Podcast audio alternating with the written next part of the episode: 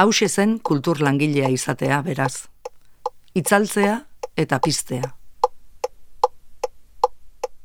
Norbere ogibideko puntu beltzak bide horri ustez serioenetan sekula ez agertzea. Euskal artistaren estatutua existitzen garenik ere ez dakiten esnebidetik kanpoko galaxiaren batetik etorriko zaigula nazkatu arte entzutea. Intermitente, keinukari bilakatu nahi izatea. Itzaltzea eta piztea. Ongi etorri ez gatoz Paristik kultur podcastera. Parise banengo, Parise banengo, ez nago Parisen, ez nago Parisen.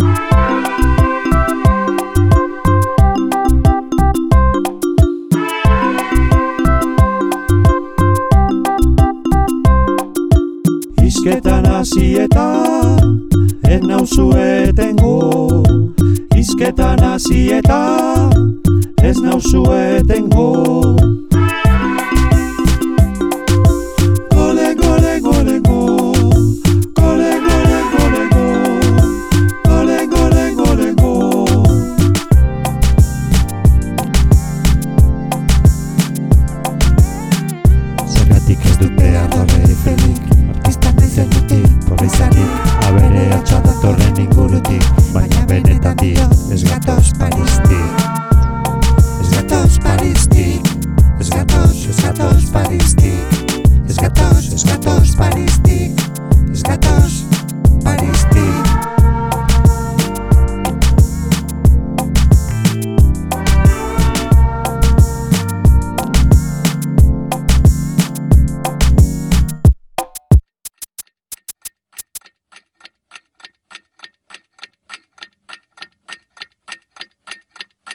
Beste kontu batzuetan bezala, iparraldera begira jarri ginen.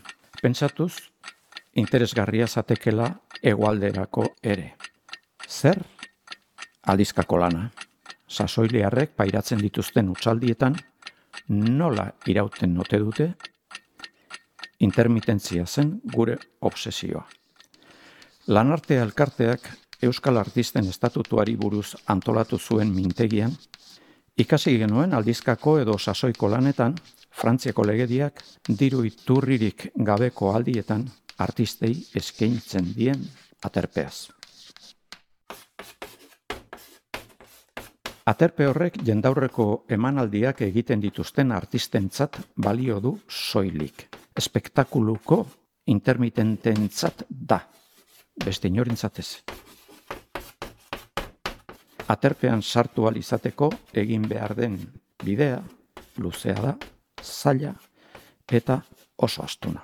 Barruan egonik ere ez da xamurra baldintzak betetzea. Bestalde, badira urte batzuk Europan autoenpresarioaren figura ezarri zutela eta horretaratu ahaldira artistak ere mikroenpresak sortuta. Baina horretan ere bidea luzea, zaila eta makurra da. Pantxikatelleria koreografoak jakinarazi zigun, Belgikako legedia Frantziakoa baino malguagoa dela bere artistek dirurik jasotzen ez duten aldietan. Belgikak ezarri duen legeak artista mota guztiak hartzen ditu, ez da jendaurreko emanaldiak egiten dituzten entzat bakarrik. Horretaz gain, soldatapekoak badira bezala tratatzen ditu legeak, inoren enkarguz lan egiten duten artistak, horrek suposatzen duen guztiarekin. Babes sozial handiagoa, langabeziko pensioa eta beste. Patroi batek kontratatu izan balitu bezalaxe. Iparraldeari begira jarria ginen, iparraldeago begiratu behar genuke. Egun, irautza txiki bat bizi dute Belgikan artistek. Bi urte luzeko negoziaketen ondoren, 2008 biko udazkenean, eraberritu egin zen artistaren estatusa. Zabaldu eginda artistaren definizioa. Artista orain ez da artista, arteetako langilea baizik. Aldi berean, sortzailei laguntzeko dagoen artisten batzordea eraldatu eta arteen lan batzordea bihurtuko da 2000 eta hogeita lauen. Moskin txikien erregimena arteen moskin amateurra izango da. Honek ere zabaldu egiten du ikuspuntua. Amateurrak merezi du konpensazio ekonomiko bat.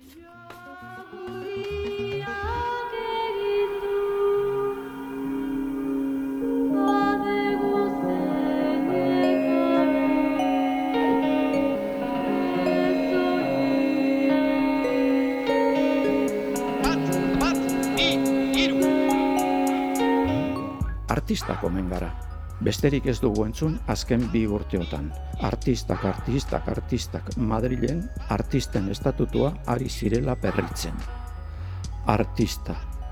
Zenbat kalte egin digun hitz horrek. Artista habilidadea daukana bizimodua nola edo ala ateratzeko. Artista disiplinari uko egiten diona. Artista probetxuko lanik egiten ez duena. Artista dirua bostaxola saion alferra. Artista bere xalotasunean pozik bizi dena. Artista lanean sufritzea zer den ez dakiena. Bohemio, gautxoria, xelebrea. Horrelako topikoak artista hitzaren inguruan. Belgiarrek zentralitatea kendu diote artista hitzari. Arteetako langilea da orain langilea. Izendapen honek zabaldu egiten du artearen alorra, duintasuna ematen dio artelanari. Bestalde, lehen artista kontratatua edo artista autonomoa zena langile bezala definitzen da orain, arteetako langilea. Horrela, sistema ekonomikoaren aktoreak direla aitortzen zaie artista guztiei. Zentralitatea lanaren nolakotasunak hartzen du. Artea lana da, lana. Sortzaileak komunitaterako egiten du lana. Lanarteako artistoideok ere hau bera alarrikatzen dugu Euskararen sortzaile guztientzat. Langileak garela eta langile gisa zor zaigun tratua nahi dugula alor guztietan, kontratuarekin, udal guztietan eta Euskal Herriko bost hogasunen paranoian ere bai alegia kultur politika integral bat behar duela euskarak.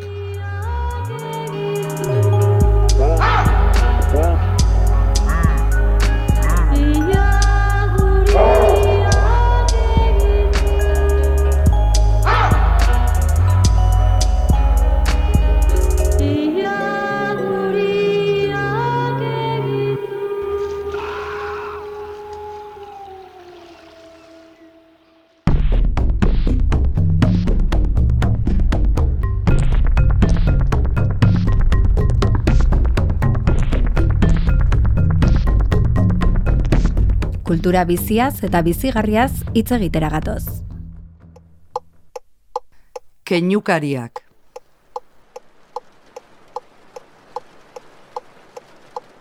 Errealitate zaparra da bat. Horixe izan zen koldo izagirre idazleak aipatu berri digun mintegia.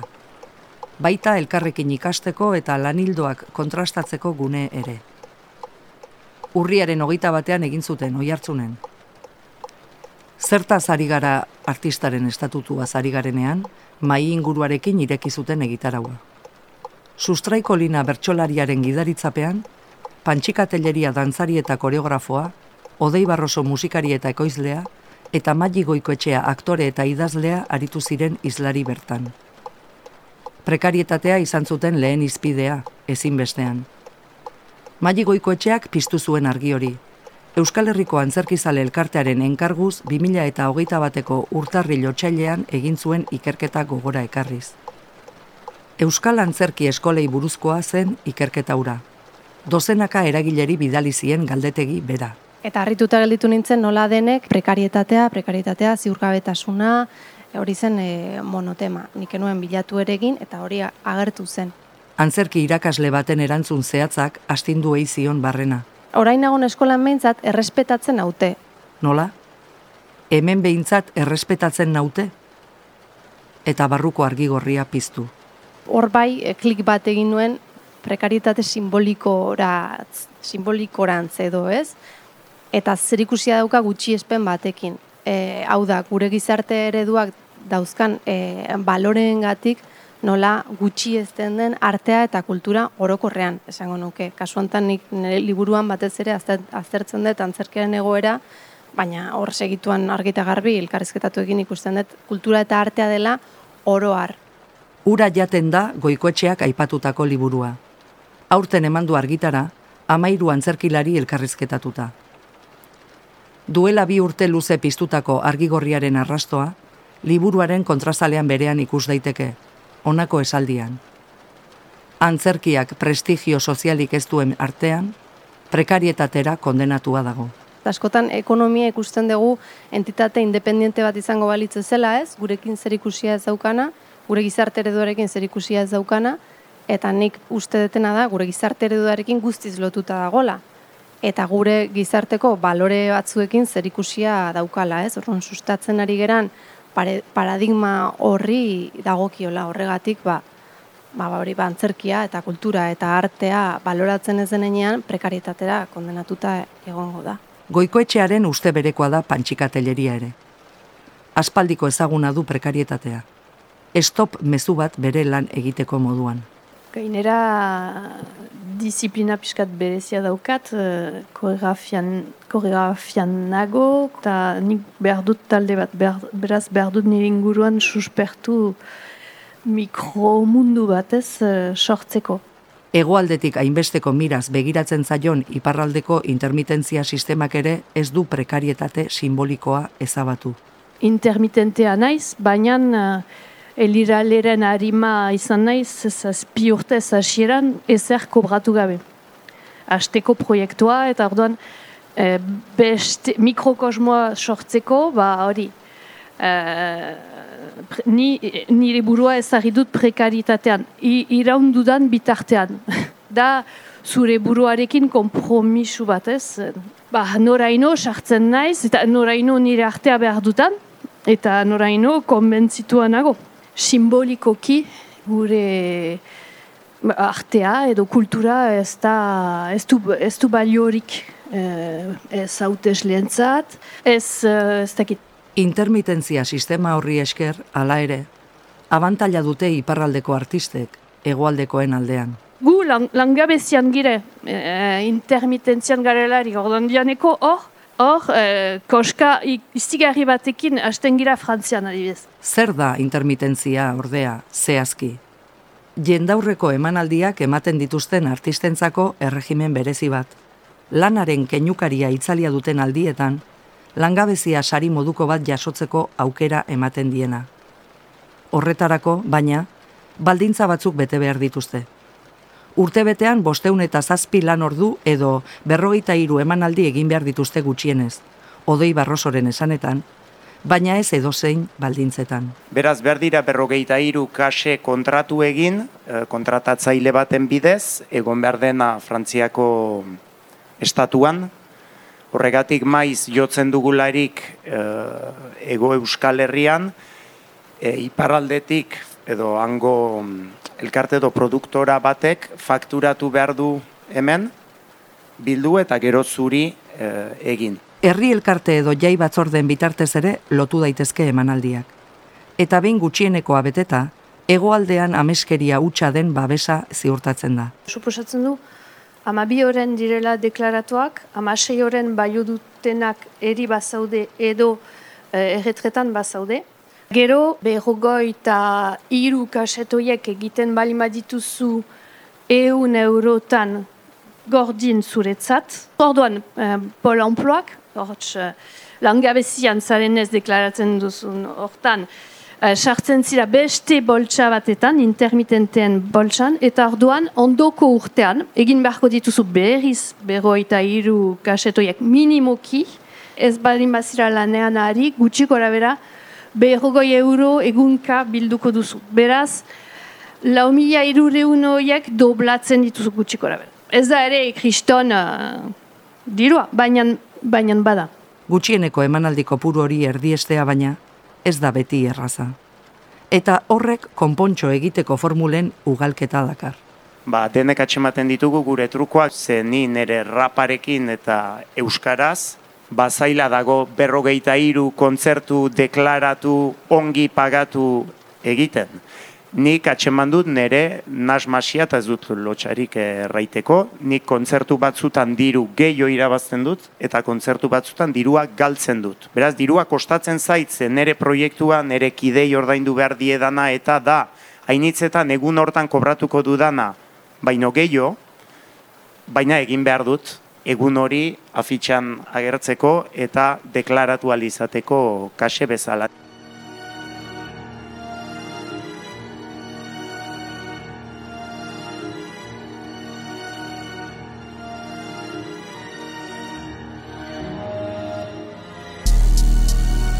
aurkezten dizuet nere terapia.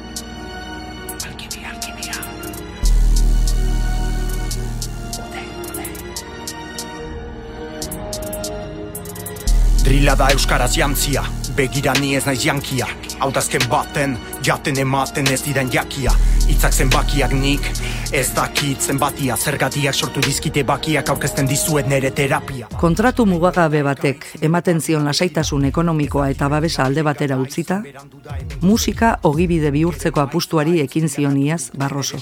Eta zen, nunbait, prekarietatea bizitzeko apustu bat. Konpontxoak konpontxo, semaforo horrek gorri segitzen du beretzat. Orain e, urtebeteko lanaren ondoren e, ukatu indiate intermitentzia, e, arau batzuk ez ditu dalako betetzen hoien esanetan. Anartean pasa dut urtebete prekario kontratuak egiten, e, ba, pila bat kotizatzen, ze az- azkenean e, kontratu bat egiten dugularik intermitente bezala kostu bat du horrek, Eta hori da gure ondoko urteko kotizazioa nunbait edo parte bat bederen, ez? Langabeziko zakuetan naiz, orduan ez didate uzten sartzen intermitentziago zakuetan, eta beraz animatu naute urtebetean behatzireun eurorekin lanik egin gabe bizitzea. Gaur egun amateur estatusa dauka. Eta ezin ditu zuzeneko emanaldiak deklaratu. Deklaratu ezkero ez diotelako langabeziarik emanen. Eta langabeziarik gabe ezingo duelako intermitentea izan. Eta kontuak eh, galde egiten dizkio zeularik administrazioari, errate dizute ez hori ez da gure kontua. Ipeste zaku bat da, besteekin ikusi. Besterio ditzen diezu, errate dizute ez, baina ez aldizute erran, eta bo, e, kakan aste administrazio burokratiko, juridiko guzi horietan sartzen zira, eta erran nien, eh? Ba, animatzen, ongi da, animatzen dauzu ez lan egitera eta beltzean aritzera. Zorionak. Nik barka ez badut ulertzen tutik Baloreia txikitasutik Garaiari heldu nahi diote eskutik Kritikan azatela lehen testutik Badut askilaino eta ekaitz nere barrura begira Ez dakit beti nabilen gara izan berandu da hemen goizegira Nik ere maiz gaitz bilakatu dut ene desira. Ni errateko pres naiz Entzuteko prestaldira Drila da euskaraz jantzia Begira ni ez naiz jankia. Hautazken baten, jaten ematen ez diran jakia. Itzak zenbakiak nik, ez dakit zenbatia. Zergatiak sortu dizkite bakiak aurkezten dizuet nere terapia. Gau iparraldean, bagoaldean, are okerrago, orduan babesik ez bat ere ez, eta e, gehienak, artista gehienak egoaldean autonomoak dira, edo kulturelkarte bat sortu dute e, talde bat baldin badira. Autonomo kuota hilero pagatu beharraren lakioa, gero eta itogarriagoa zaio askori. Goikoetxearen aburuz. Orduan, bueno, jende asko ezin du zuzenen, ezin du autonomo izan, eta egora horiekin topatu naiz, el, liburuen elkarrizketutuen artean, osea, ezin dute zuzenean hori hori aurrera eraman, eta askotan lan batzuei, inkluso e, ezetz, osea, lan batzuk ukatu behar izan dituzte, ezin dutelako fakturarik egin. Orduan, ba, nola dagoen jendea, oso erreta. Eta laki hori ez da lasatuko, dirudienez. Kontrakoa. Espainian egosten ari diren artistaren estatutua, korapiloa are gehiago estutzera dator. Hori bateragarria ote da euskal kultur sistemaren ezaugarriekin, baina Euskal antzerkia Euskal territorioan mugitzen da, besterik ez. Claro, orduan hor lan, lan, bal, oza, lan aukerak oso mugatuak daude. Euskal Herrira mugatuak daude, eta hori ondo antolatuta gongo behalitz, ba, igual posible izango litzake ez. Ba, Euskal, e, Euskal konpainiak Euskal Herrian bakarrik aritzea eta eta aritu alizatea eta duin eritzea. Baina ez, Osa ez dago hortarako bermerik ere, hor diru laguntza diru laguntzen alorrean Eusko Jaurlaritzak ez du babesten euskal antzerkia, beste beste hizkuntzatutako antzerkia baino gehiago. Hau da baldintzak dira berberak, baina antzerki espain, osea espainolez egindako obra bat Espainia osoan, Espainia osoan egin dezake gira eta inkluso are gehiago, ez? Baina euskal konpainia batek ez, euskal konpainia baten gira da Euskal Herrian. Eta hala ere, ez dago inolako diskriminazio positiborik edo orduan are zaurgarriago dira euskal sortzaileak. Eta hizkuntza ez da muga bakarra, telleriak ondo asko dakienez.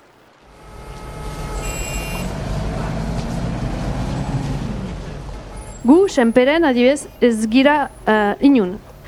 Uh, zenta, ez dugunez Euskal Ikurra ateratzen kanporuntz ez, eta gaur egun, bali mazoaz autopistatik, baduzu Pei Bask, Pei Bask, Pei Bask, Bordale eta gero, badituzu mögak, eh? Euskal nortasunarekin, eta Burdeosetik aurrera baduzu Parise mögetan, ez? Hots, eh, identitatea eh, Euskal Herrikoa eta Iparaldekoa, kostalde untakoa hor, um, artista horrelakoa bazira gaur egun, ba, dirudi funtzionatzen duela, ez? Baina beste hildo batetik balin bazoaz, orduan, ba, bordalen, ja ez duzu oi hartzunik.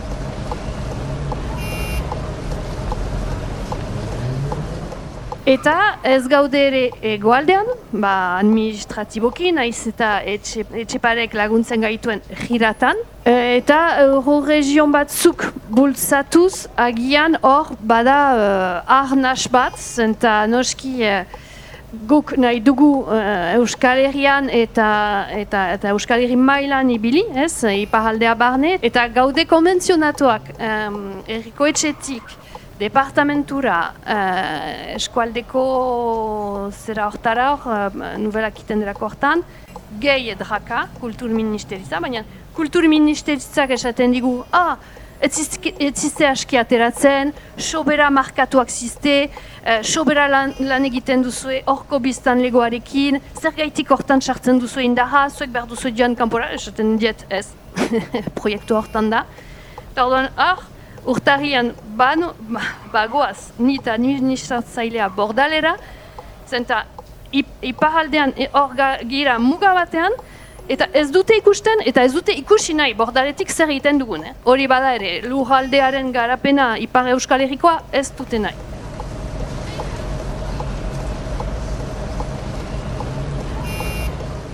Keinukariari ezkerrera zein eskuinera eragin, ipar zein ego lan egin, beren lana monetizatzeko bidezidorrak bilatzen dituzte artistek.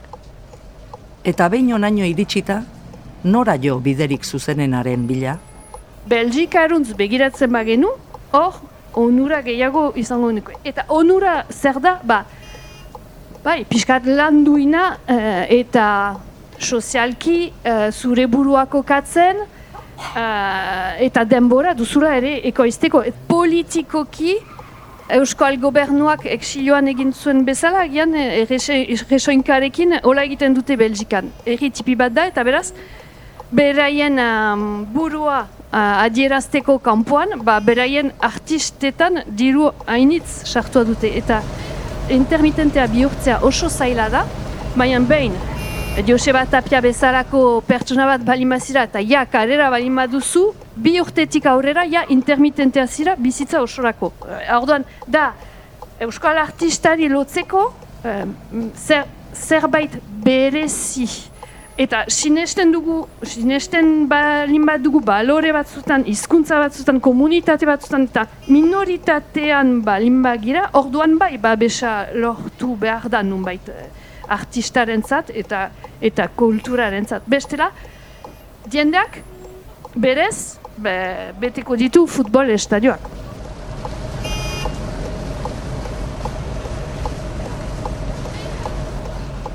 Aizu, ikusi alduzu Belgika arañoko bidea hartzeko seinalea. Norantz jo, ba ezagit, bueno, e, Belgika ba izan litek ezagit, pentsatzen dut hemen baino asko zobeto seguru gongo zirela. Eta, baina, bueno, estatutuak emango digu prestigioa, edo prestigioak emango digu estatutua, eta da pixka bat, zer da lehenengo oioa edo arrautza, ba, orduan, bueno, komplexua da, baina, esan nahiko nuke, ba, estatutua zari geranean pixka bat zentzu juridiko eta ekono, berme ekonomiko ez ari gerala, eta berriro ez e, azpimarratu e, ekonomiaz ari geranean ez gerala, ez gerala ekonomiaz bakarrik ari, baizik eta existitzeko eta izateko modu batez ere ari garela ez, gizarte baten antolakuntza ekonomiko, politiko eta soziokulturalean toki baten aitortzaz ari garela, eta gainera tok, aitortza legitimo batez. Baina, ez algara lehen ere biribilgune honetan bueltaka ibili. Ezin bestean, ados. Jendarte baten borontatea mm, eren uh, gatik gaude prekaritatean. Eta guk ere, gure buruarekiko, eta artistak beti presgira gauzakiteko, eta agian gehiagi ere, sobera engaiatzen gira, gure gauza immaterial hori ez dakigu zenbat kostatzen duen horrek, eta eta ez dugu denborarik, eta eta dirua agian tabu bat gisa daukagu, eta eta horrez, horrek bai du. Eta ez gira oso konbentzituak uste dut gu ere.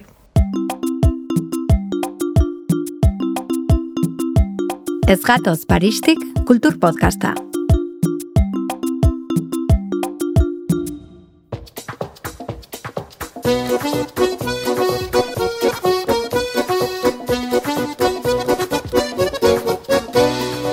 Orain arteko denak, jendaurreko ikuskizunetan aritzen diren artistei buruzko kontuak dira.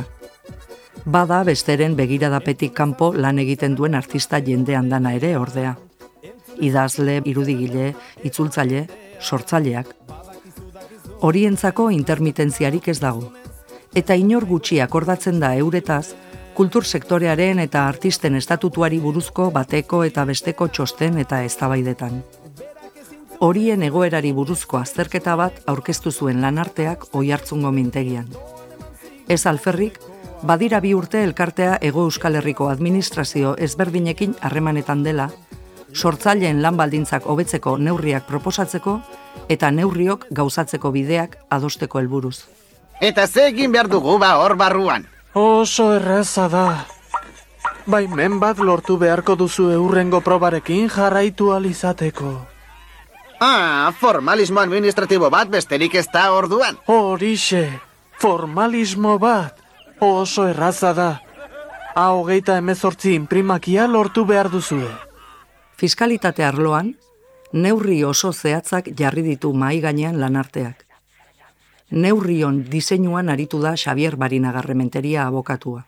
Ni hasi nintzen noin dela hogeita zazpi urte lan hontan. Abokatua naiz, baino aholkularitza bat sortu genuen kooperatiboa eta e, gure ingurua artistez beteta zeon. Eta hasiera hasieratik egunerokoa da, deitu ogasun batera eta A esaten dizute, deitu bestera eta B esaten dizute, eta gero denen e, aman komuneko ezaugarria zen prekarietatea. Artista gazteak, denak bizi ziren obeste lan batetik, o ekonomia beltzean, eta izan da, hogeita zazpi urte hauetan, kontinuo bat. Osea, ez da ez da hobetu egoera hori. Jarraitzen du berdina izate. Berdina ez zailagoa. Ze betekizun administratiboak erota gehiagora dijoaz, aurkeztu behar dituzo, irurogeita zazpi paper, bost euro kobratu alizateko. Ah, horra planoa. Ez dut ez etxore ulertzen. Argi dago, balde jatela beko solairuan dago eskuineko pasabidetik sartuta.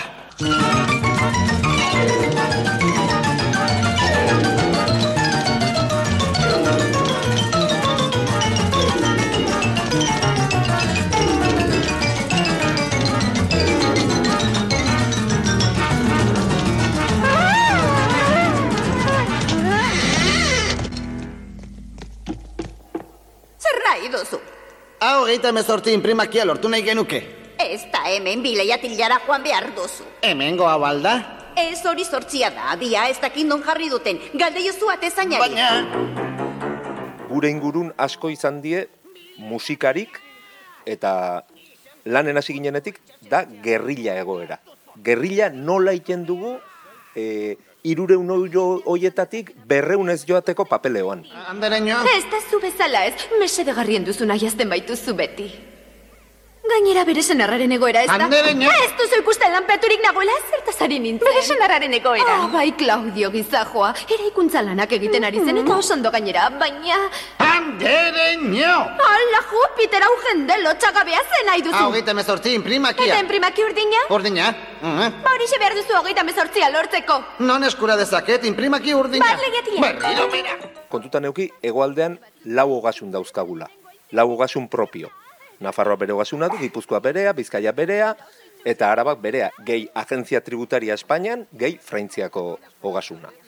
Ordun, sei ogasun euki dezazketzu bueltan bi estatu hauetan. Eta seiek kapaz dia gauza berdin bat modu desberdinean erregulatzeko.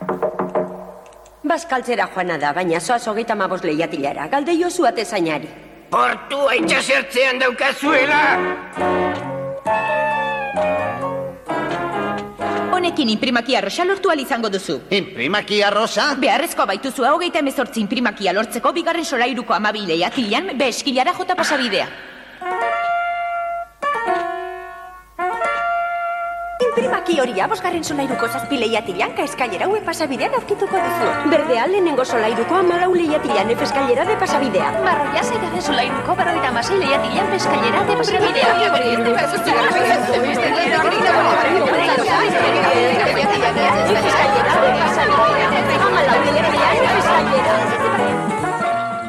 Ogasun horietaz aparte dago Europa.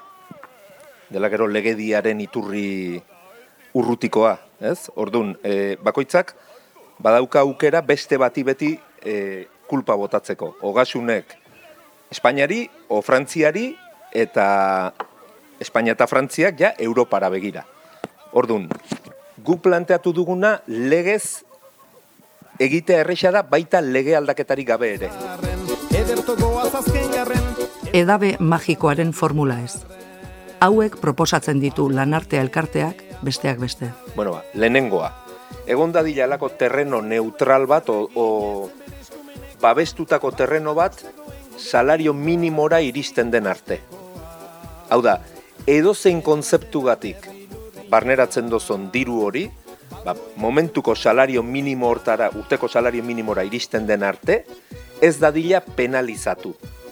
Ez e, bezarekin, ez iaen altaman behar izan da, ez tiket baiekin, osea, izan dadila lan ingreso bat baliz bezala, hau da, beste batentza lan egingo bazenu bezala. Zure faktura egiten duzu, zure atxikipenarekin hori bai, ogasunari ordainduko diozu hortik zati bat, eta punto pelota. Zergati da salario minimoa? Ba, uste delako hortik bera ezin duzula bizi. Ez? Ordun, salario minimoa baino gutxigo kobratzen baldin badozo, eta gaine autonomo ordaindu behar baldin badozo, ja, etza bizitzen ari. Ez? O norbaitek jarri beharko do falta dena. Ederra zen ikara lurriña Gutxinez, egon dadila aktibitate nagusi bat, bai, sor, ba, idazlea baldin bada, idazlea. E, musikaria baldin bada, musikaria. Eta gero, horren ingurun iten den guzie, ausiliarra izan dadila. Inongo epigrafetan ez dauden bertsolarientzat berriz, eta epigrafe propioa lortu artean, idazleen epigrafean izen emateko aukera eskatu du lanarteak ahozko literatura egiten dutelako. Eta behin ja, salario minimotik gora pasatzen baldin bazea, hor bai, hor profesionala zea, egoalden autonomo izan beharko zenuke, baino simplifikatu dadila. Ba, zein da e, jarduera nagusia, eta jarduera nagusi horrek gainerako guztia ausiliar bezala izan dezala.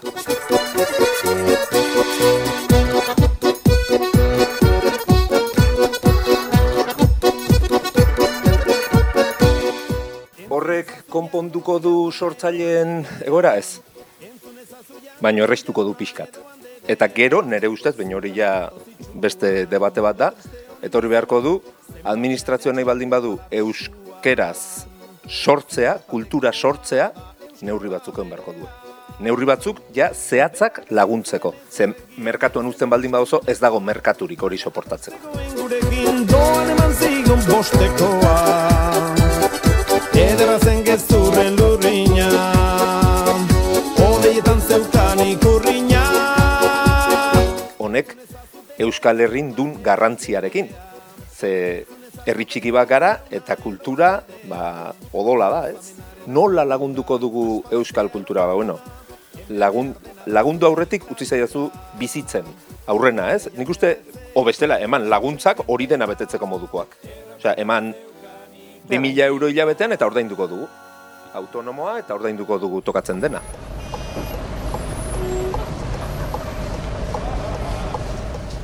Arazoa zuzendu bitartean, betekizun administratiboek sortutako kale itxu gero eta ugariagoen oianean ez galtzea, horixe da Euskal Artista Intermitentearen lehen lana. Ordun, merkatutik bizi behar baldin bada eta gaur egungo legea betez, hilda gaude. Hori da behintzat e, guk ikusten duguna.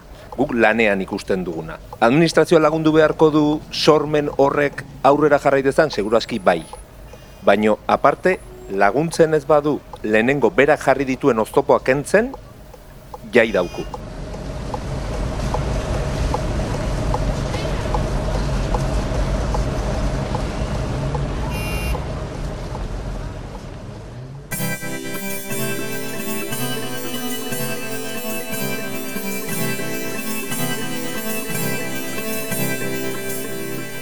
Zubi mutxu bat. Gaurkoa, einau telorrietak emana. Tipularen zehazka kanta nik aukeratu dudan olerkia. Miguel Hernandezek idatzitakoa, kartzelatik bere aur jaio berriari eskenitakoa da. E, Serratek bere garaian e, ederki musikatutakoa. Nik e, munduko poesia kailerak e, bilduman e, aurkitu nuen, e, tipularen zehazka kanta hau e, Josu Landak itzulitako e, Hernandezen beste hainbat olerkirekin batera. Itzulpen hau izan dute e, abia puntu, eta gero ba, Uxu Alberdiren laguntzarekin ba, pixkat moldatu dugu e, kantu hau e, osatzeraino. Ea ba, gustoko duzuen.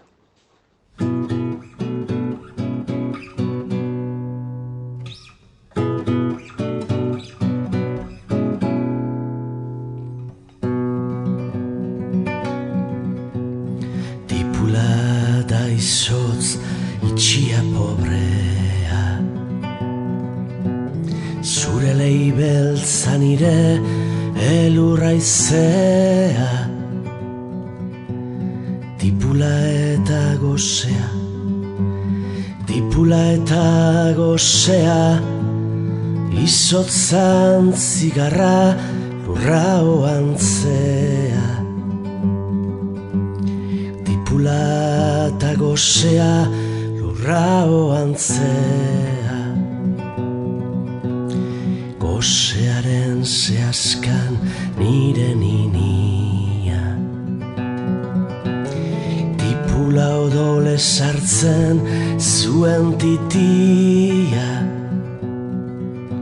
Zure Zure odolotza. Gozea tipula eta azukra izotza. Zure odolotza azukra izotza. Emakume iluna ilargiarena. Zehazkan errekalez izurtzen dena Egiztu irri, egiztu irri. Zuretzako dakartzat bilargi berri Egizu irri, egizu irri, ilargi berri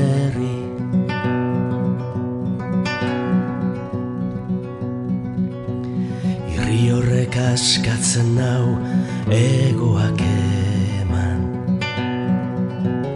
Bakarri ilunik ez den nire ziegan. Aua egan, aua egan. Jotza dardaratzen zait zure espainetan. Zure espainetan, zure espainetan Aua egan. Herri hori da ezpata irabazleena Iliz eta enaraz garaitzen dena. Eguzkiaren arerioa Nire zurren geroa, nire amodioa. Eguzkiaren arerioa, nire amodioa. Zortzigarren hilberan irri eginez. Osperladiz diratxu asezinez Bostortz loretan. Bostortz loretan. Azmin jaio berriak gau beltzonetan Gau beltzonetan Gau beltzonetan Bostortz loretan Bihar izango dira musuen muga. Sentitzen duzunean ahoan sua. Arma bat ahoan Arma bat ahoan. Nortzetan barna zure muñerantz doan Muñerantz doan Arma bat ahoan.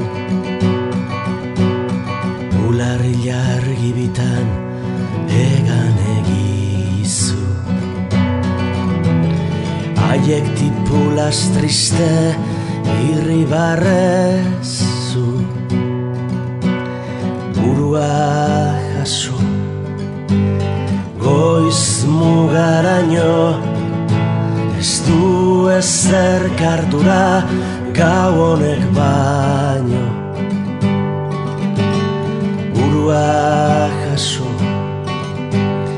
Burua jaso Goiz mugaraino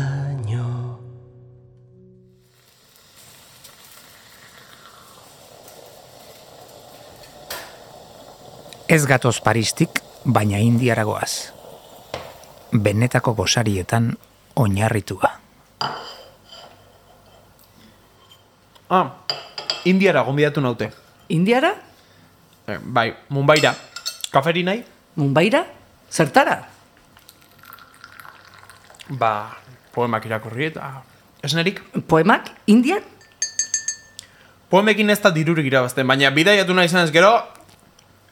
Poesia da bidea. Lekutan dago Mumbai. Gaur egun, mendara pasa eta aurrera xeago. Mumbai, estazioa edo apeaderoa. Gogoratzen nola duela urte batzuk liburu bat itzuli zidatenan? Ah, bai. Postaz hogei aleskatu eta urrearen prezioan ordaindu behar izan zenitunak. Bai, bueno. Adunetako kontu bat izan zen. Barkatu, eh? baina grazia egin dit beti autorea bere liburuak erosten ikusteak. Bueno, okerragoa da saltea, ez? Mm, Bueno, Hain patetikoak ere ez gara, eh? Hogei alematen dizkigute beti opari. bai, baina hogei lagun baino gehiago dauzkatzuzuk. Ez? Lagunak, lagunak, lagunak. Eta beraz, takata. Kajatik pasa behar. Hori ez da horrela. Lagunak badira eros dezatela liburua. Bai, eta gero iritzia eman eta zua zerretu. Kontuz, eh, eskatzen dezun kontuz, eh, Tir, bueno, tira, tira. E, mermeladari geratzen da. gutxi. Benetan gutxi.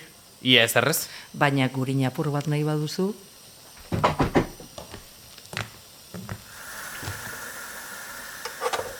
Orduan, noizoaz indiara? Ez dut uste joango naizenik. Bueno, basoaz ala etzoaz. Bidaia nik ordaindu beharko nuke. Nola zuk ordaindu behar duzula? Zegon bidapen da hori? Eskontza bat ala? Egonaldia ordaintzen dute, otorduak eta Eta dieta. bidaiazuk? Garestien hori ez ba? Horrela antola liteke kongresua? Bueno, mugitzen banaiz, etxepareko diru poltsetatik igual lortuko dut zerbait. Eta ez da kongresu bat. Poesia jaialdi bat da. Festival bat? Bai, ni ez naiz kongresuetara joaten. Ez naiz unibertsitateko irakaslea. Ez ahaztu. Ah, barkatu, eh, iraina. Barkatuta dago. Eta, irakurtzagatik zenbat ordainduko dizute? Ez didate esan. Doan lan egiteko hemen ere egiten duzu nahikoa, ez? Tira, India, India da. Indiara joa, lau poema irakurri, masalate bat hartu eta buelta? Taller edo maingururen bat ere izango dela pentsatzen dut ez da dena. Kongresuetan bezala. Beinara joan da, badakizu esprimitu egiten gaituztela ez dukutu Zuen jakinduriari zuku guztia ateratzen diote, bai, bai. Ba, alako zerbait. Zu joango zinateke? Zurekin ala, zure ordez. Gonbidapen bat alda. Ai, erosketak egitera noa. Zerbait falta dugu? Mermelada bai behintzat. Laranja mikatza. Oso ondo, nire kontu. E, gotzon? Bai. Eta kurkuma. Bidaia on...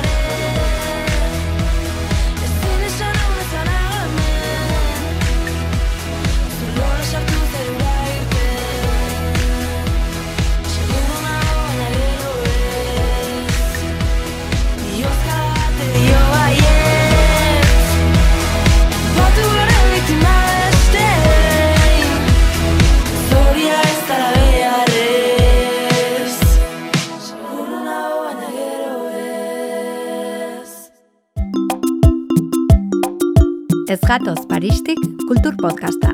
Parise banengo, Parise banengo Ez nago Parisen, ez nago Parisen Sintonia, Iban Uritza Ramorantek Nemesio Etxanizen Paristik natorren kantutik abiatuta. Ibitzi aizi, Arkaitz kanok idatzia eta kanok berak Xante Agirrezabalak eta Amagoia Gurrutxagak lokutatuta. Soinu errealizazioa Ander Mujikak. Gidaritza Amagoia Gurrutxagak. Esker bereziak Kultura Zazpitiko Kultur Kooperatibari eta Amaia San Vicenteri. Lan artea, Euskararen langile profesionalen elkarteak ekoitzitako podcasta.